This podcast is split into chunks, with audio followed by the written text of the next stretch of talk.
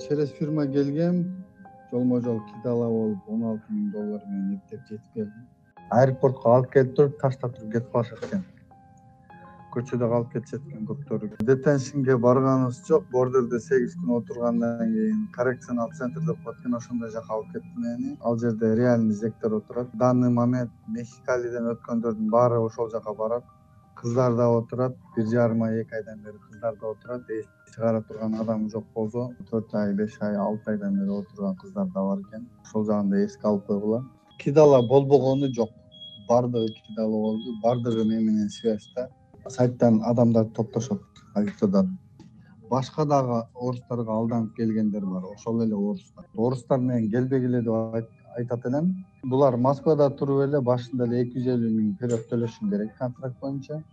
Колуңа бир жумадан кийин контракт тиет деп айтышат.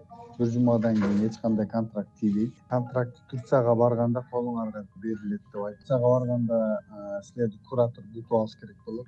Мехикого билет алып туруп аэропорттон салыш керек. Мехикодон силерди экинчи куратор тосуп алыш керек ал кураторду айтышат типа америкадан келет ал типа юрист адвокат деп айтышат. Кыскасы ушул нерсенин баардыгы жалган.